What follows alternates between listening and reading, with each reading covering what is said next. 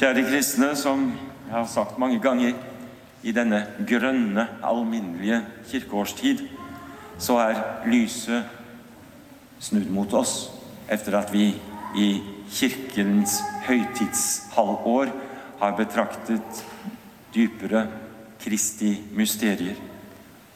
Og forrige søndag så understreket vi det håp vi er gitt, og den lengsel det håpet forhåpentligvis føder i oss, slik at vi forstår at vårt egentlige hjemland, det er det vi ofte kaller himmelen, eller himmelske Jerusalem. I dag blir det litt mer alvorlig, og derfor så starter vi første lesning med å høre om hva som skjedde med profeten Jeremia. Vi kjenner kanskje uttrykket 'jeremiade'. Det er et uttrykk vi har laget når vi klager. Men i sannhetens navn profeten Jeremia hadde virkelig grunn til å klage når vi tenker på alt hva han var igjennom. Og det hele begynner jo i at han kalles, og han står der for Guds åsyn og sier, 'Men ikke jeg, Herre, for jeg er så ung.' Kan du ikke velge en annen? Gå, sier Herren, gå på mitt ord. Og han gjorde det. Og i dag så møter vi ham altså når han kastes i en brønn som er fylt av gjørme, og han synker ned i gjørmen. Og så er det en interessant detalj. Den som føler medynk med profeten, er ikke noen av hans egne. Dere kjenner uttrykket 'ingen blir profet i sitt eget land'. Og vi minner om at Kristus selv, blant sine, så blir han ikke bare neglisjert, nei, til og med aktivt prøvde de å kaste ham ut for en klippekant, men med sin selvfølgelige autoritet snudde han og gikk gjennom mengden og bort. Men profeten Jeremia han reddes faktisk av en etioper som er ved kongens hoff. Det er han som sier, 'Herre konge, det er ondt alt det som disse menn har gjort mot profeten.' Og så får han lov av kongen til å få ham opp av brønnen.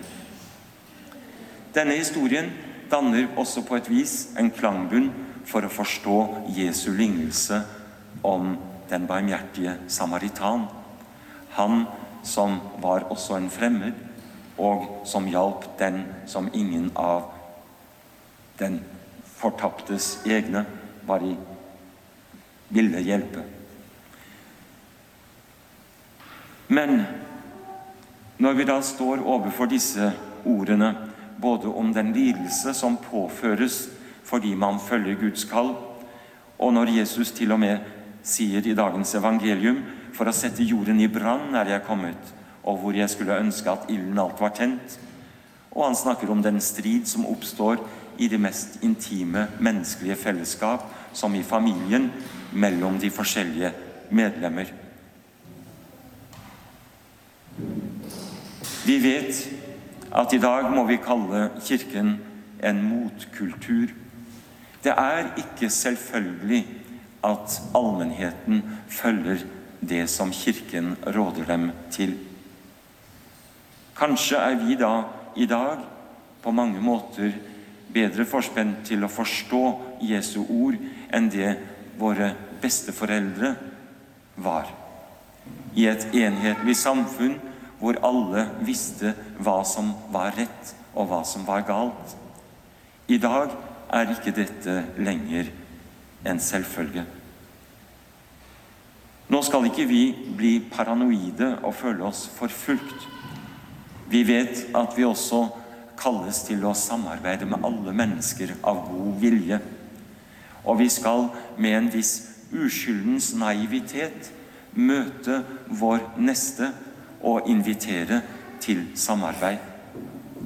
Nei, vi behøver ikke å oppsøke martyriet. Men vi vet også, etter hvert som vi skrider frem gjennom livet, at det skjer. Stadig vekk så vil vi oppleve at vi ikke er i overensstemmelse med det som folk rundt oss mener er riktig. Stadig opplever vi å settes på valg. Stadig opplever vi å måtte aktivt velge Kristi vei. Og allikevel, som hebreerbrevet sier i dag, ennå har ikke kampen mot synden krevd liv og blod av dere.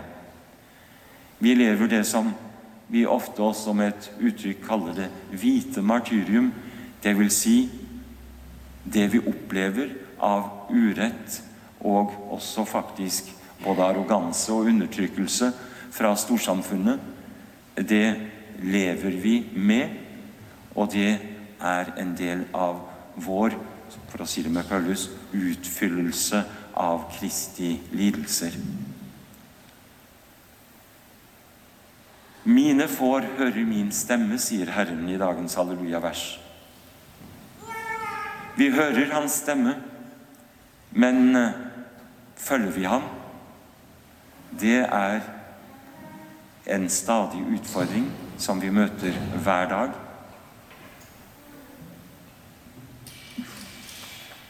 Jeg ropte til Herren, og han hørte meg, heter det i dagens gradualsalme. Er vi der? Er vårt svar på Herrens kall å rope til Ham? Er det i Ham vi har vår prioritet? Er det Ham vi følger, og ikke verdens forskjellige trender og røster? Amen.